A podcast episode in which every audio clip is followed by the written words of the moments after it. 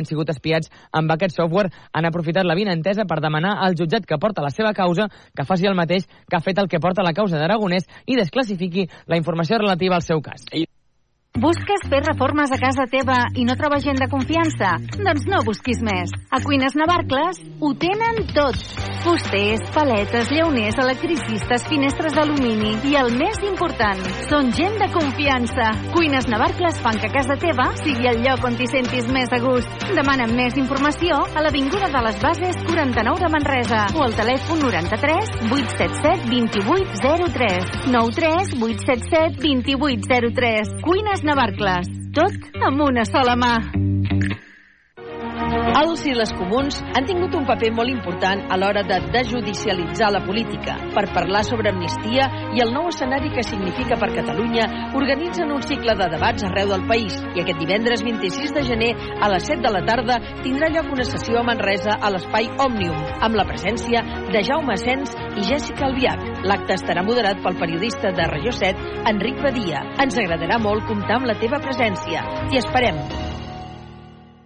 Busques feina? Et donem la solució. Coneix i consulta l'empresa GCT Plus, l'empresa de treball temporal que es posa a la teva disposició per ajudar-te. Et donaran resposta immediata a les teves necessitats laborals amb oficines arreu del territori català. Deixa'ns ajudar-te i vine a la més propera, a Manresa, Igualada o Berga. Consulta la web gctplus.com.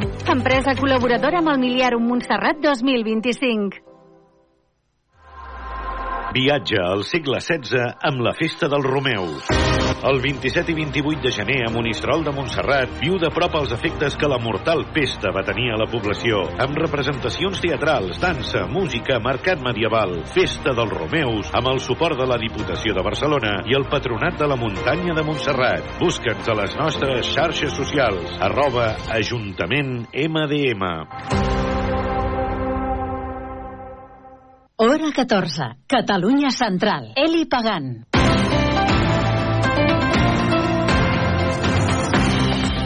Hola, què tal? Molt bon migdia. Passen 22 minuts a les dues, hora 14.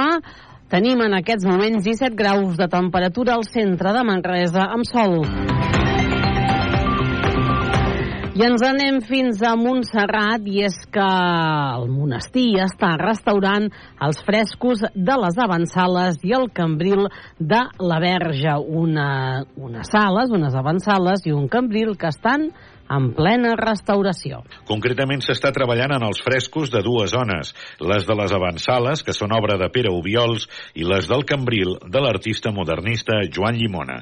Al ser obres d'artistes i èpoques diferents, els treballs es compliquen.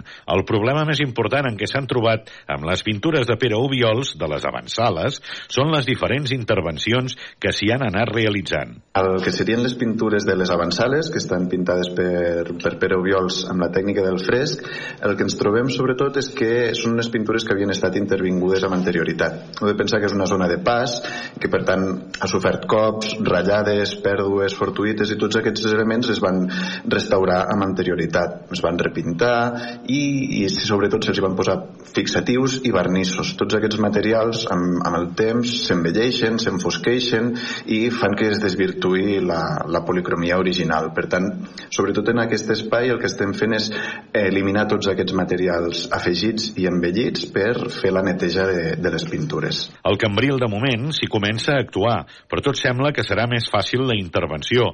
Les pintures de llimona de la cúpula estan enfosquides pel pas dels anys, tenint en compte que es van fer entre 1896 i 1898. La part del Cambril que va pintar Llimona eh, són les pintures anteriors i són amb una altra tècnica. Combinen el maruflaix, que és el fet de pintar sobre una tela i adherir-la al mur, i amb pintura directament sobre el mur. En aquest espai per ara no hem trobat que hi haguessin restauracions anteriors i el que tenim simplement és la brutícia dels últims 130 anys acumulada en aquest espai. Eh? Fum de ciris, pols, teranyines, eh? i per tant eh, és una neteja mm, relativament més senzilla, mm, però que també eh, ens permet recuperar la la lluminositat de les pintures originals que estan completament enfosquides. De fet, a la cúpula mateix s'hi pot apreciar la firma de Joan Llimona i un text en el que també es diu el nom de la mecenes que les va fer possible.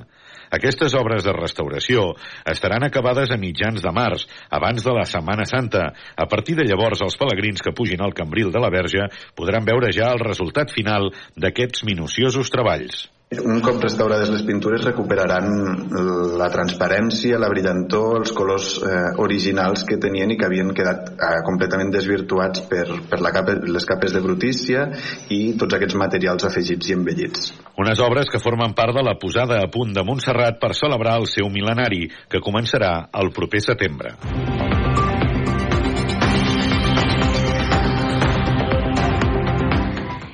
Ja saben que la ciutat de Manresa és aquest plató cinematogràfic i també doncs, la capital del Bages ha estat escenari de l'espot dels Premis Gaudí. Ens ho explica la Tània Rodríguez. Manresa és l'escenari de l'espot promocional dels Premis Gaudí d'aquest 2024. L'anunci que s'ha estrenat aquest dimecres es va rodar íntegrament a la capital del Bages en set localitzacions diferents i hi van participar uns 18 actors, dels quals el 80% són del Bages. De fet, molts d'ells són joves actors de l'Escola d'Arts Escèniques de Manresa. L'actor català Roger Casamajor és el protagonista de l'espot publicitari i durant el rodatge a Manresa el van poder veure en una de les escenes de l'espot rodada al restaurant Miami, a la carretera de Cardona, ja molt conegut pel rodatge de Marlow. D'altres escenes es van rodar a l'Anònima, al carrer Guimarà a la Ben Plantada, al Club Padel Manresa i als cinemes Baja Centre. I és que aquest any la campanya dels Gaudí vol reivindicar la gran pantalla. Sota el lema Tornem a mirar amunt, convida el públic a aixecar el cap de la pantalla del mòbil per gaudir en comunitat de la màgia del cinema. L'Ajuntament de Manresa ha pagat 20.000 euros per poder ser l'escenari d'aquest anunci dels Premis Gaudí. Una inversió que Manresa veu com una oportunitat per guanyar visibilitat i potenciar la ciutat com a plató cinematogràfic. Bàsicament per dos motius. Un, per visibilitzar aquesta aposta decidida que va fer eh, Manresa, l'Ajuntament de Manresa, pel Manresa Film Office, perquè fóssim un plató de rodatge, un gran plató de rodatge. Ho hem dit moltes vegades, però, però estem en els últims últims anys de mitjana de 200 dies de rodatge a la nostra ciutat. En segon, perquè és un aparador eh, importantíssim que els Premis Gaudí, que seran anunciats per TV3 durant dies eh, i que són un referent del nostre cinema, doncs a l'espot publicitari pugui haver estat rodat a Manresa, doncs evidentment això ens dona imatge de ciutat, projecció i vincula aquest amor no, de la ciutat amb el cinema, que ens remuntem a Plàcido, fa més de 60 anys. Nosaltres aquest any de seguida ho vam tenir claríssim. Eh, a més, la possibilitat que ens donava Manresa d'espais molt, molt singulars i de molts espais diferents, ens va semblar que era la, la idònia. Doncs Manresa, que serà, que és l'escenari d'aquest anunci, d'aquest espot dels Premis Gaudí. Nova edició dels Pessics de Vida. Ahir la protagonista, Maripau Huguet. La sala d'actes del Centre Cultural del Casino de Manresa es va omplir aquest dimecres al vespre per escoltar la conversa entre les periodistes Isabel Palà i Maripau Huguet. La mítica presentadora de Televisió de Catalunya va ser la primera convidada de l'any al cicle Pessics de Vida, que organitzen la demarcació Catalunya Central del Col·legi de Periodistes de Catalunya i el Centre Cultural del Casino de Manresa. Huguet va repassar la seva trajectòria, va recordar anècdotes i es va emocionar en explicar que el seu pare va morir un dia de Nadal, pocs dies abans que ella hagués de fer una retransmissió de la cavalcada de Reis. També va explicar que actualment col·labora en un programa de la xarxa de televisions locals i Canal Taronja, La Sobretaula. Estic col·laborant en un programa a la, a la XAL, a la xarxa, que es diu La Sobretaula, i, i vaig, jo vaig a cada programa vaig de convidada, no sóc la presentadora perquè clar, jo estic a TV3 però vaig de convidada especial a, a cada programa i m'encanta perquè estic fent territori mm. uh, i vaig per tot Catalunya i aleshores de, de tant en tant quan, quan ens toca gravar n'hem gravat ja dos amb el Miqui Núñez mm. i ha estat, bueno, ha estat entranyable en gravem molts amb els cantants d'Eufòria normalment va el cantant d'Eufòria i el presentador és el Pep Piques que és un cantautor i aleshores el, el programa és molt interessant, s'havia parlat fins i tot de si es podria fer a, a TV3, perquè penso que el contingut és, és, és molt TV3 també, és molt territori. Al final, Huguet, que actualment treballa al servei d'atenció a l'espectador de la Corporació Catalana de Ràdio i Televisió, va respondre a les preguntes dels assistents. El proper Pessics de Vida serà el 28 de febrer, quan el periodista Jordi Morros entrevisti el també televisiu l'usonenc Albert Tom. Acabem, arribem a dos quarts de tres. Molt bona tarda i fins demà. Adéu-siau.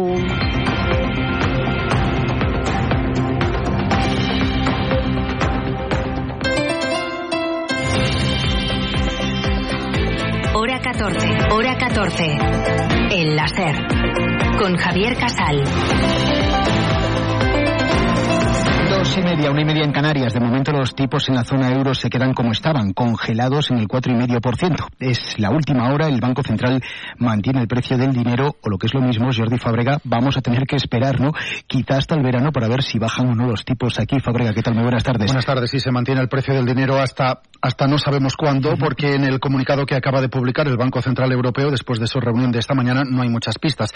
Sí se dice en el texto que la inflación subyacente está bajando, que las subidas de tipos de interés de los últimos meses se están notando en las condiciones de financiación, que la demanda cae, que esto ayuda que baje la inflación general, pero nada de pistas por ahora sobre cuánto bajarán los tipos, porque se repiten dos frases que son habituales en estos comunicados. Una es que el Banco Central decidirá en función de los datos económicos que vayan llegando, y la segunda es que se compromete el Banco Central a mantener los tipos de interés altos en estos niveles todo el tiempo que sea necesario. Tipos congelados y pistas sobre el futuro. Veremos qué dice Lagarde en la rueda de prensa posterior que va a arrancar en los próximos minutos.